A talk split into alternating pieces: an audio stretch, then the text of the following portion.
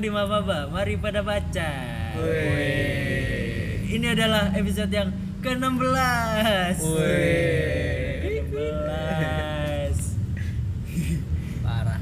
Di episode kita kali ini kita akan membahas buku Ronggeng Duku Paruk karya Matohari. Iya, eh?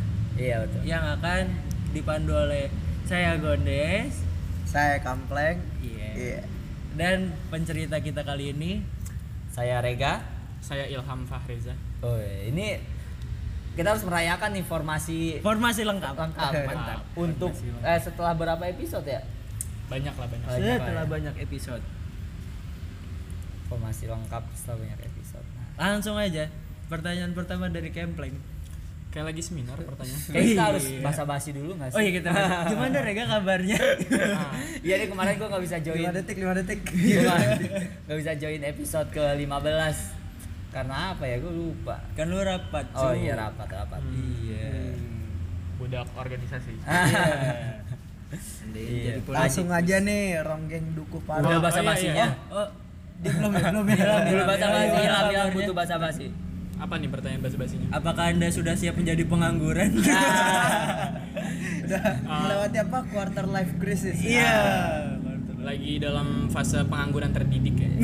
Oh iya, jadi kita berikan ucapan selamat dulu dong buat salah satu sahabat kita Ilham Fareja yang telah menyelesaikan Studi. studi kuliahnya. Besok besok September ini Tanggal ya? 8 September. Tanggal 8 Tanggal 8 September Saya wisuda. mengundang seluruh listener yang mau datang. Di Fakultas Psikologi Win Jakarta. Wih. Jadi Gak ada yang tahu kan kita anak fakultas psikologi.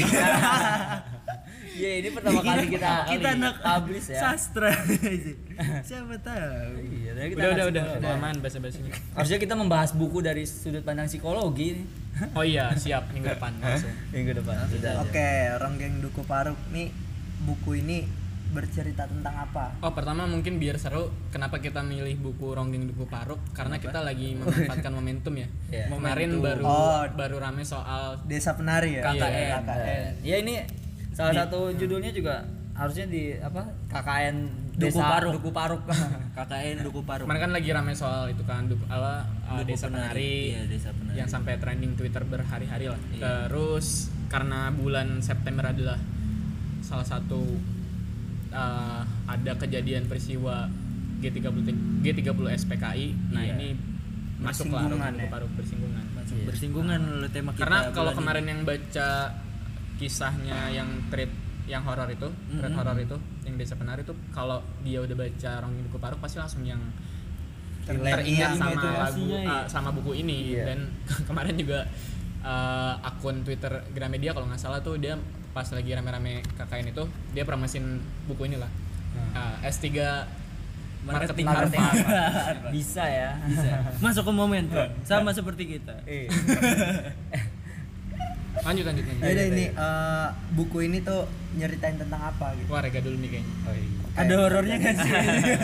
Gak ada, gak ada. Ini ada orang KKN juga. Ada sih, tapi Mungkin ini settingnya yang kali yang bukan horor sih ya. sebenarnya lebih ke jadi eh, kita apa ya kita urutkan dulu ya dari pengenalan tokoh mungkin ya. Jadi eh, dari buku Ronggeng Duku Paruk ini karya Ahmad Tohari ini berlatarkan tahun 1960-an Eh, ini tuh tokoh utamanya namanya Serintil sempat difilmkan juga tahun 2014 kalau nggak salah ya Hmm, namanya yang tuh main- Sang Penari yang main tuh siapa ya? Prisia Prisia Ah, yang jadi Serintil. Tokoh utamanya Serintil terus tokoh laki-lakinya itu namanya Rasus. Hmm. Serintil ini ronggengnya nantinya. Nah Rasus ini dia TNI ceritanya. Salah satu orang yang suka sama Serintil. Hmm. ya Dulu intinya tuh eh, kalau buku itu intinya tuh bercerita tentang bagaimana cara Ahmad Tohari menggambarkan budaya Indonesia secara apa ya da- da- di tahun segitu gitu. Secara menyeluruh. Gue ngelihatnya sih Ahmad Tohari itu memperkenalkan kayak budaya ronggeng dari situ juga Ahmad Tohari juga memperkenalkan budaya apa eh, budaya pagan yang sempat hadir di zaman-zaman itu ya Ya, Animisme, dinamisme. animisme dinamisme budaya-budaya terhadap apa nenek moyang Leluhur. menceritakan tentang leluhur jadi terus juga eh, menceritakan tentang kondisi perpolitikan saat itu juga di tahun 1960-an di mana yang kita kenal itu cukup kental dengan budaya apa cerita-cerita politik PKI ya. Hmm. Nah, di sini juga diceritakan juga maksudnya ya ini bagaimana cara Ahmad Tohari ini menggambarkan kondisi Indonesia saat ini gitu. Kurang lebih Ronggeng Duku Paruk itu menceritakan tentang itu gitu. Gitu Udah. sih kalau gue. Iya. gue nambahin dikit Oh, iya, aja iya. karena gue udah banyak Iya. Em, jadi yang gue baca ini yang covernya oren ya yang udah Gimana enggak, namanya? enggak soalnya kan yang buku yang terbaru ini itu udah gabungan dari ketiga novel jadi Oh. sebenarnya Oh, iya. Ronggeng Duku Paruk tuh buku yang pertama dari trilogi Ronggeng Duku Paruk Duku Paruk. nah yang sekarang dijual di Gramet tuh dia gabungan dari ketiga itu yang Hmm. Aslinya Pertama. tiga buku. aslinya nah yang udah disatuin nah yang pertama itu Ronggeng Duku Paruk Hmm. buku kedua judulnya Lintang Kemukus Dini Hari yang ketiga itu Jantra Biang Lala Uh, nah kalau kalian-kalian ke Gramet nih sekarang itu tuh udah bisa dibeli dalam satu paket lah yang covernya oren ini Um, buku Ronggeng Duku Paruk menceritakan tentang uh, utamanya adalah tentang desa Duku Paruk yang di sini dia uh, hidup dan si desa ini ditopang oleh uh, tradisi ronggeng. Nah, em, yang menjadi ronggeng dan tokoh utama di sini tuh namanya Serintil tadi udah dijelasin Rega dan em, nanti di setiap buku-bukunya nih menurut gua ada ada apa ya eh, kekuatan cerita tersendiri sih. Kalau yang pertama tuh kan masih deskripsi tentang desanya gimana ya kan terus tradisinya gimana terus pengenalan tokoh-tokoh awal lah. Yang nanti di bagian terakhir tuh baru masuk ke tragedi komunis yang itu meluluh lantakan dan menghancurkan secara fisik dan mental eh, desa desa inilah Duku Paru. Seru sih pas baca baca buku ini kayak gua gua ngebayangin karena pas gua baca buku ini gua sama sekali nggak tahu ronggeng itu apa. Terus gua sampai yang nyari-nyari di YouTube gitu ronggeng tuh kayak gimana sih biar bayangan gua tuh dapat gitu. Karena di buku itu benar-benar kayak deskripsinya se si serintilnya se uh, gemulai dan secantik itu dan sesempurna itulah di mata-mata laki-laki yang di di sini lah. Bukan laki-laki doang malah perempuannya juga. Iya, iya. jadi benar-benar gue langsung penasaran gimana ronggeng di budaya Jawa itulah Iya. oh ya ini latarnya di Jawa Tengah kalau nggak salah Oh di Jawa Terus Tengah. pada zamannya dulu itu ya, ya kayaknya Ronggeng itu kalau di penggambaran Tawari ini tuh Ronggeng itu kayak benar-benar sosok yang sangat diagungkan bahkan Iya, iya. gue kayak melihat di buku ini Kasta ya tertinggi kasta gitu. tertinggi di desa Duku Paruk itu ya Ronggeng itu Sa- sa- saking saking apa namanya jadi di buku itu ada ada tradisi katanya nah itu buka kelambu katanya Hmm. jadi ketika Ronggeng sudah ditentukan ada ada syarat-syaratnya dari Iya, syarat iya, ketika- jadi ronggeng selain Ah. perempuan dan masih hidup ya. iya iya jadi setelah masa udah kayak tam- setelah setelah ada ronggeng baru katanya setelah, setelah ditunjuk ronggeng baru tuh nah ada tradisi namanya buka kelambu itu tuh di mana keperawanan dari si ronggeng ini tuh di di apa diperjualbelikan bukan dijualbelikan malah di- apa ya diperebutkan Iya. dan saking apa ber apa ya saking membanggakannya sampai-sampai istri-istri dari suaminya itu tuh Pada justru dibiarkan. membantu Pengen jadi Iya. pengen merawanin ronggeng. Iya, pengen, pengen suaminya tuh merawanin ronggeng. Apa itu, anjir? itu kisah awal-awal si Serintil sebelum Iya. sebelum dia jadi ronggeng kan ada syarat-syaratnya nih Iya. yang dipenuhi itu salah satunya itu yang Buka tadi kelambu itu. itu. Iya, buka jadi ah, keperawanannya dijual di lelang lah bahasa Iya, mudanya dilelang. dilelang dengan harga tertinggi yang diterapkan mahal sama si eh, ya bahasanya di sini germo ya manajemen lah Iya, manajemen manajemen. ronggengnya Mucikari, mucikari. yang ketua si siapa namanya eh, Kertareja. Kertareja ya, Kertareja sama Nyai, Kertareja. Kertareja. Iya. Wah, anjir ada manajemen ronggeng. Ada manajemen ronggeng. Ada usus tukang kendangnya. Saya sakum sakum. Sakum, Sakum. tukang apa nama alat musik ini anjing gue. Kendang, kendang, kendang. bukan bukan ada namanya ah ya nanti kita baca lagi Kawan, kawan, kawan. Kawan, kawan. Kan. Benjo, benjo. iya iya itu lanjut aja Iya, iya, iya. apa yang reggae yang reggae tuk tuk tuk tuk ya. Tegan di calung Oh, cak, buset bukan kendang. Calung, beda Oh. lagi. calung tuh yang temennya angklung kan Iya, iya, iya. Calung temennya angklung. Kan tadi yang udah dijelasin Rega ternyata di buku ini tuh isinya tuh Indonesia banget dah gitu kan. Nah. Gue pengen nanya nih apa sih yang lu dapat gitu? Apa yang benar-benar nilai yang lu dapat gitu dari buku ini gitu? Oh, kalau, Satu nilai. kalau perkara nilai itu filosofis banget lah ya Ilham biasanya yang jagonya. Tapi soal nilai sepertinya bakal subjektif ya nggak sih? Iya, iya, iya, iya kan? Iya. Kalau gue sih eh, bagaimana ini kan digambarinnya desa Duku Paruk ini benar-benar desa keter- terbelakang ya, desa belakang yang dia buta huruf, Ah. terus minim bukan minim nggak ada pendidikan sebenarnya di sana. Dan ada sekolah. iya sepolos itu terus si men- menuturkan eh, baga- dan dia mengabarkan desa Duku Paruk tuh benar-benar desa tertinggal itu dan orang-orangnya bodoh Hmm. terus mesum ya kan cabul iya benar benar Eh, dan ya hidup cuman berdasarkan eh, tetuanya yang namanya ki dia dia menuhankan itulah si. Secameng- Semenggala. Semenggala benar-benar ya hidupnya begitu pasrah diserahkan ke alam gimana tetua dan leluhur jadi setiap Ah. fenomena yang terjadi di sehari harinya tuh benar-benar yang Pakai sajen gitu. Iya itu di, di dipahami sebagai sebuah kondisi yang memang itu udah ditakdirkan sama alam dan dia tuh Nah. manut bener sama leluhurnya lah yang di saat ini tuh dipegang sama eh, Sakarya Hmm. Sakarya eh, dia tetua Kakek. yang paling tetua itu kakeknya ini kakeknya Hmm. si Serintil iya kakeknya Serintil Eh, Bukan Pak Prabu ya. ba- iya banyak Pak Prabu kepala desa itu ketua RT ketua Iya, RT gue banyak mempelajari ya. nilai-nilai yang waktu itu dianut sama masyarakat di desa ini ya, di desa Duku Paruk. Jadi lu mendapat nilai kebudayaan. Iya, iya, iya. Kalau lu gak gua apa ya? Kalau gua sih menurut gua nilai yang gua dapat ya yang bisa gua ambil ini sih. Oh iya iya, ada ada satu yang gua suka. Scene yang bener-bener gua suka. Waktu pas eh, ini apa ada orang PKI yang datang ke sawah. Hmm, Bahar. iya nah Bahar ya. Dia da- datang ke wa- warung bukan kopi. bukan yang gituin muridnya bukan kan. bukan.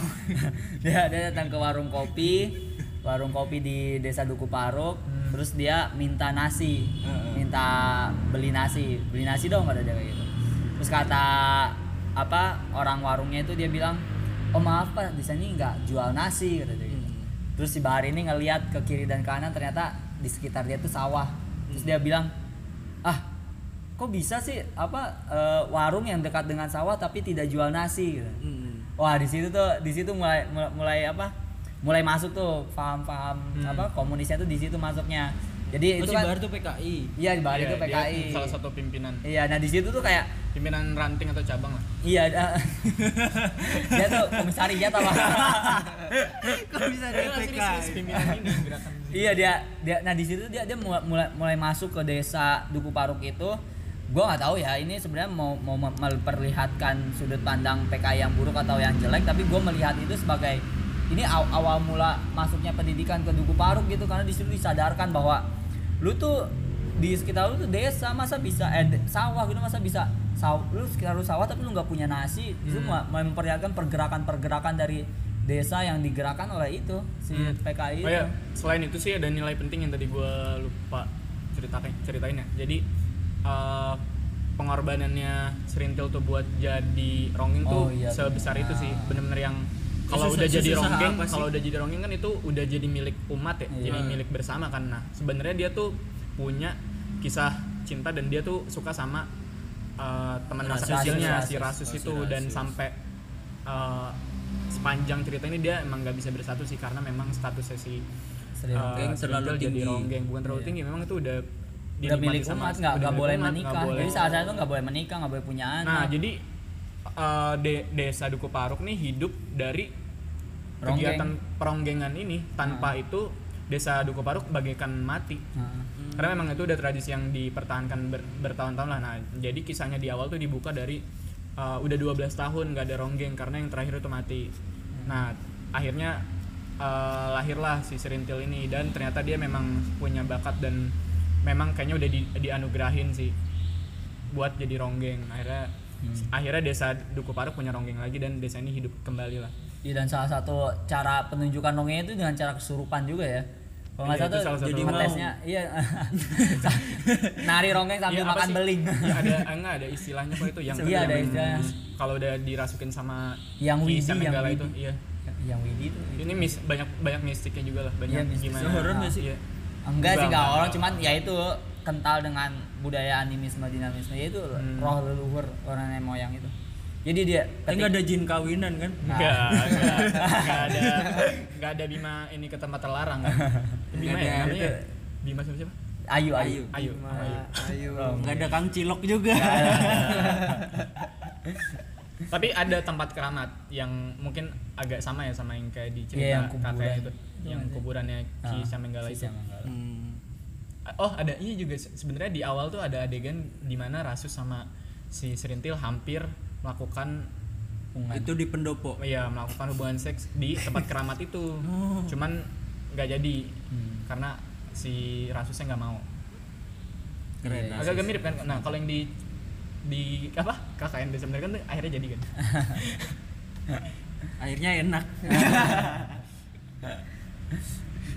Tapi part terkeren lu apaan? Kan tadi Rega udah tuh. Iya, oh, terkeren ya? sih, iya. Kalau gue bukan terkeren tapi yang ter menurut gue ter, terlucu aja kali ya. Iya, terlucu. gue inget tuh yang bagian eh, si Serintil tuh diminta untuk eh, apa ya di sini namanya gowok kalau nggak salah ya Iya, gowok.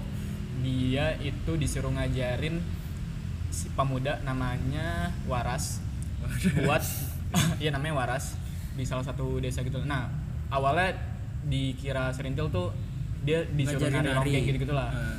Ah, nah tapi selain itu ada tugas ada tugas lain dia diminta untuk Ada tugas jadi eh, mungkin ini ya guru bimbel bimbel. semacam guru inilah guru bimbel buat sex education ah, ah, sex education dan buat ngajarin si waras ini buat jadi lelaki yang ah, kafah kali ya Lelaki kapan? karena memang si waras ini yang benar-benar kayak kayak bocah banget padahal dia ini udah dikit lagi masuk ke usia di mana dia harusnya udah mulai dewasa udah mulai ngerti soal Bentar lagi seks. SMP lah ya. iya iya dan itu lucu sih di itu kan akhirnya si Serintil nginep ya kalau nggak salah tuh tujuh hari ya Hmm. nah itu dalam hari itu diajarin gimana caranya uh, jadi cowok yang bener lah itu Gimana? lucu sih dan itu ternyata tradisi di Jawa ya pas Iya. gua baca-baca lagi Heeh. kayaknya sekarang udah nggak ada sih Udah nggak ada. Eh, nggak tahu ya? Udah udah nggak ada. Nggak ada ya? Udah. Kalau ada seru juga sih Iya. tapi mama lu jangan ngebayangin enggak Serintil lah Serintil tuh walaupun usianya udah tua juga nggak tua pada ah, nggak nggak tua di sini tapi bener-bener yang masih kulitnya masih halus terus yang se Iya. sedep itulah Kita ngajarinnya gimana? bener-bener diajarin Praktek gitu. Ah. tidur di kamar terus eh, Oh caranya jadi laki-laki gitu cu Ah. Ya gue belum jadi laki cuy sama Serintil tuh. Masih rintil aduh Serintil yang terkenal cakepnya. Dan si di di adegan itu kan kayak di di bagian-bagian itu kayak si Waras kayak eh, sepolos itu loh gitu pas diajarin dia Hmm. sesenang itu dan dia nggak ngerti.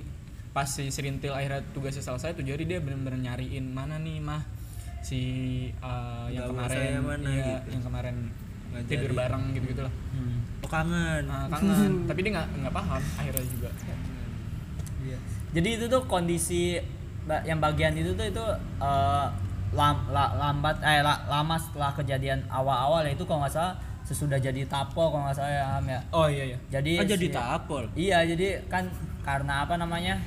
Yaitu masuknya PKI ke dalam eh, desa Duku Paruk itu. Kan Duku Paruk itu benar-benar desa yang bod bukan boleh, desa yang benar terbelakang lah istilahnya tuh tidak Enggak cu, gimana gimana cara kan Serintil kan penari cu, kok bisa jadi tapol cu, dia kan bukan politikus Iya, oh iya bukan.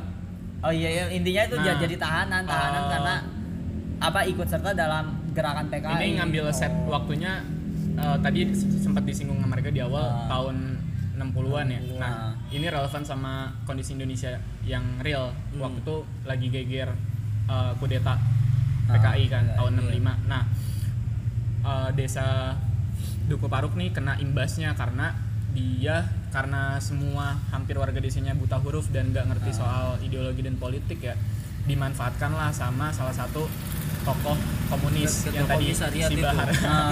si Bahar itu Nah, Komisariat. dia, dia mobilisasi sering mengadakan acara yang mobil, mobilisasi mobilisasi massa nah lewat ronggeng ini itu tuh Ah. banyak narik massa akhirnya Iya. disewa lah ronggeng Duku Paruk ini buat tampil di acara-acara acara-acara komunis Ah. nah si Hmm. orang-orang Duku Paruk nggak paham Yang penting kan dengan duit. dia ngelihat bendera-bendera merah tuh nggak paham kan Iya. nah akhirnya waktu itu banyak kericuhan banyak konflik dan pada puncaknya pas kudeta itu gagal eh, nah desa Duku Paruk tuh udah dicap sebagai desa yang Komunis. pro komunis Hmm. padahal mereka tuh nggak ngerti sama sekali dan sih. disuruh masang waktu itu dimasang Bendera. disuruh masang lambang Paluarit kalau nggak salah itu kayak ini apa ditanya terus si politisi politisi komunis itu jawabnya kan jawabnya ya jawab jawaban politis itu lah buat Iya. bohong-bohongin Gimana gimana? Lu kan politis kan tinggal jawab.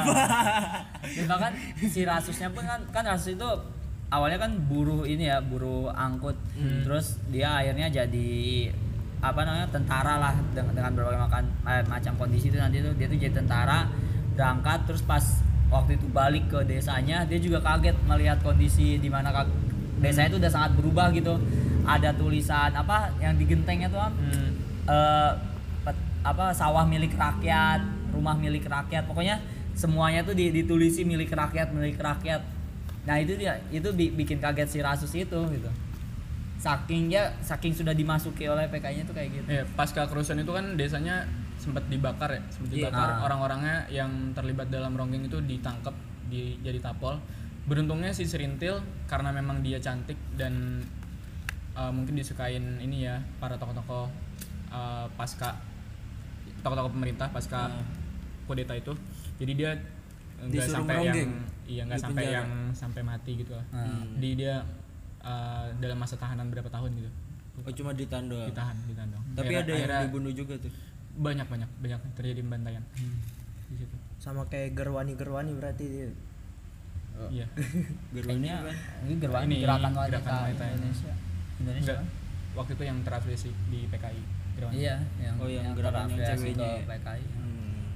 terus katanya di buku ini banyak mantra-mantra nih oh iya dia banyak teks yang eh, teks aksara Jawa sih dan iya kan kalau di Ronggeng Duku Paru kan lagu-lagunya juga banyak ngambil lagu-lagu Jawa kan.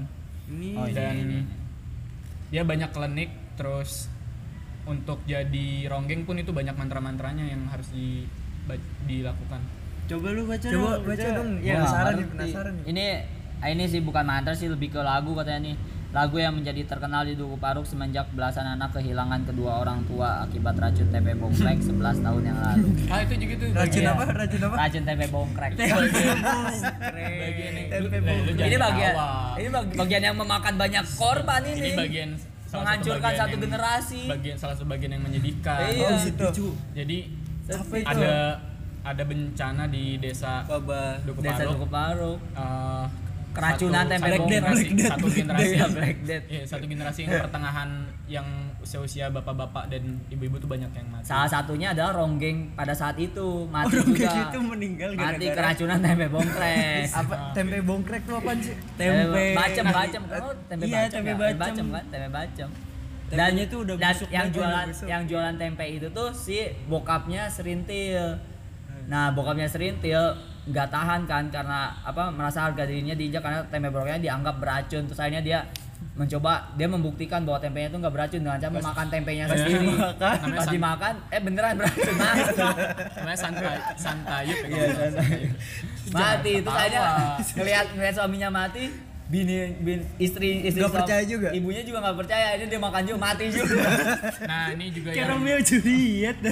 yang eh, jadi salah satu pendukung eh, dan penguatan tokoh si ini si Rasus. oh si Jadi Rasus eh, nyokapnya Rasus tuh meninggal kan karena keracunan itu. Nah tapi dia meninggalnya tuh agak buram gitu ceritanya.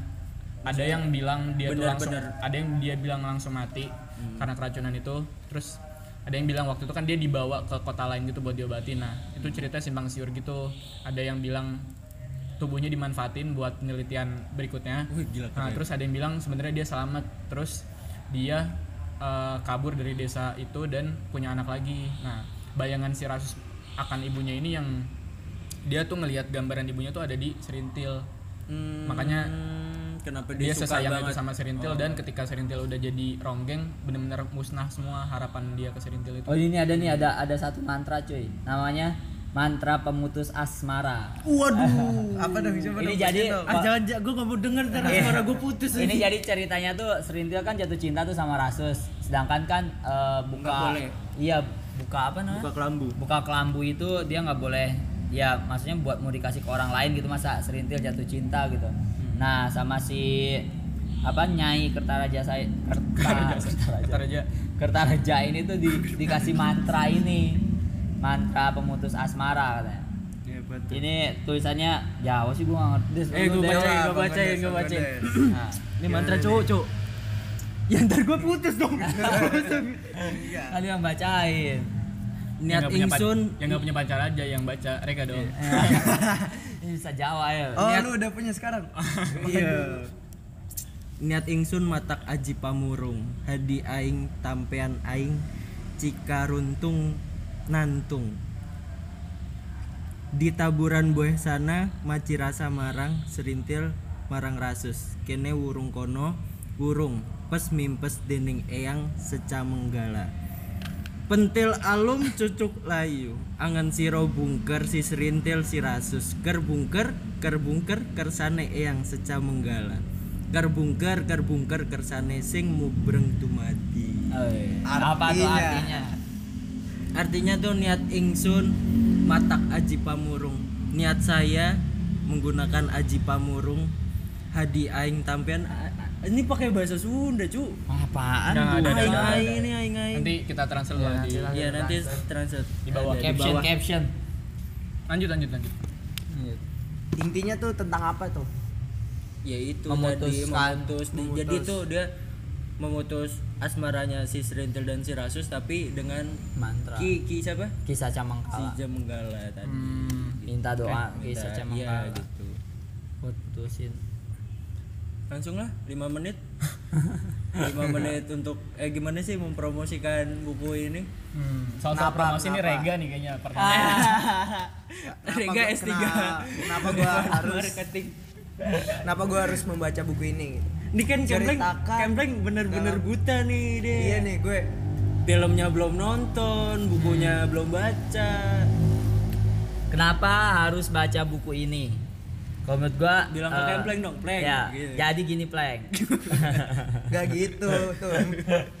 buku ini tuh eh, seperti yang gue jelaskan tadi pas di awal-awal ya menurut gue itu udah cukup mempromosikan gitu. Buku itu menggambarkan sekali kondisi Indonesia eh, secara menyeluruh terusus dari segi budaya dari segi kondisi politik juga dari kondisi ya eh, apa kepercayaan pada saat itu gitu.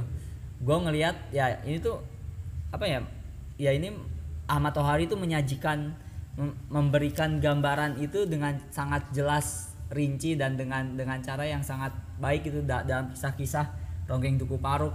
Jadi menurut gue ya sangat menarik lah ketika lu eh, apa membaca buku ini lu ak- akan akan disuguhkan apa ya disuguhkan cerita sejarah gitu. Nggak nggak secara tidak seja- sejarah secara langsung tetapi lebih ke ya tersirat gitu poin-poinnya tuh sejarah dan budayanya. Dan gue pun merasa anjir kayak emang bener Ilham kata Ilham gue juga pada saat baca pun gue nggak nggak tahu menau tentang ronggeng nggak tahu menau tentang apa perpolitikan era 1960 kan waktu itu gue masih culun banget lah Emang Di- sekarang udah enggak? Nah, udah enggak. gue dulu baca buku ini tahun 2014, coy. Dan Dan baru tiga bulan yang lalu sih iya dan setelah, setelah gue baca anjir, ternyata se sesuram ini gitu kondisi pada saat itu gitu. Gitu sih. Kalau gua Nah. pertama plank eh, ini salah satu bukan salah satu ya, ini karya terbaik dari salah satu penulis terbaik Indonesia Ahmad Tohari ya. Iya. Dan eh, terus masih banyak sebenarnya yang belum tadi sisi yang kita ceritakan ya. Tadi kita belum sempat bahas gimana hancurnya jiwa serintil kan Iya, iya. dan Oh, iya, kehidupannya iya. sehancur itu gara-gara sering banget dibohongin yang terakhir tuh dia dibohongin sama si uh, Rentenir. Bajus ya dan Hmm. menurut gua ini tuh cerita yang layak untuk untuk kita apa ya kita baca dan kita pelajari lebih lanjut gitu loh dan cara deskripsinya si Amato Hari ini menurut gua benar-benar yang seajaib itu sih. Jadi gua kayak baca tuh di awal-awal benar-benar kayak lagi di sawah lagi di desa itu. Terus dia deskripsi tentang alamnya tuh kuat banget sih. Eh, apa lagi ya? Terus ya banyak lah yang di- dapat dipelajari sejarah politik cinta Iya. paket lengkap lah. Mantra-mantra. Iya klinik-klinik Jawa. Dan sekedar ya Kisah, seked- iya. sekedar informasi jadi Ronggeng Duku Paruk ini sudah diterjemahkan ke dalam empat bahasa ya Ham ya Hmm. Jepang Jerman Inggris salah satu lagi apa gitu gue lupa ya itu bahasa Jawa. saking kerennya buku iya ada yang bahasa Jawa ada yang seri Jawanya Oh, iya. iya Ronggeng Duku Paruk apa gitu gue lupa tahun 2007 apa dulu apa Dan masih banyak lah tokoh-tokoh lain yang kita belum sempat ceritain kayak Ah. Sakum yang betapa dia si pemain calung yang buta tapi iya. Indra Prabanya Iya. itu sekuat itu semagis itulah. Dan dia bisa kayak nebak. Si Sirintil nih masih ronggeng atau enggak? Iya. Oh iya inang bisa, bisa. Dia, dia yang bisa ngeliat inang ronggengnya tuh masih ada atau enggak? Banyak lah yang masih belum kita itu tokoh-tokoh favorit gue tuh Sak- Sakum. Sakum komisariat. Sakum. Bram Bram. Sakum tuh mawar merah. Sekum Sekum maksudnya Sekum ya? Yang nggak ngerti. Udah sih plan. Iya.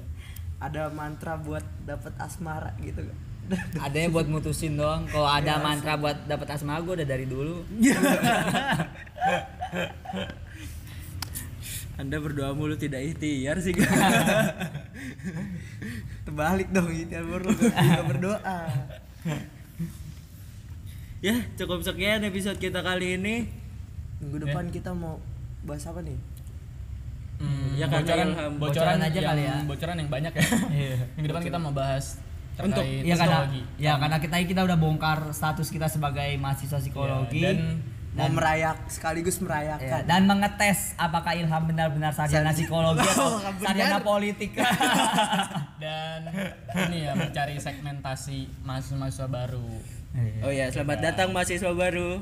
selamat datang. Di seluruh terus oh iya universitas. kita juga harus mau ngasih tahu dari sekarang ya kita mau bikin episode Q&A Oh Ya. iya, ada Q&A. nanti nanya yang banyak ya biar kita nggak 10 menit doang Ya, ya. eh. Oh iya, ini juga informasi buat listener, kita juga rencana mau ada collab collab ya, mau ada acara acara offline. offline Off air, diskusi offline. bareng off air. Oh iya, Off off, air. off air, off air, off. Offline nggak online. Oh iya. Acara off air di kampus kita tercinta Fakultas Psikologi Unsari Pidato Jakarta. Ya tunggu aja informasinya di sosial media, Instagram. Nanti kita infoin. Iya. Kalau mau datang datang aja. Ya udah. Selamat membaca. Selamat mendengar. terima kasih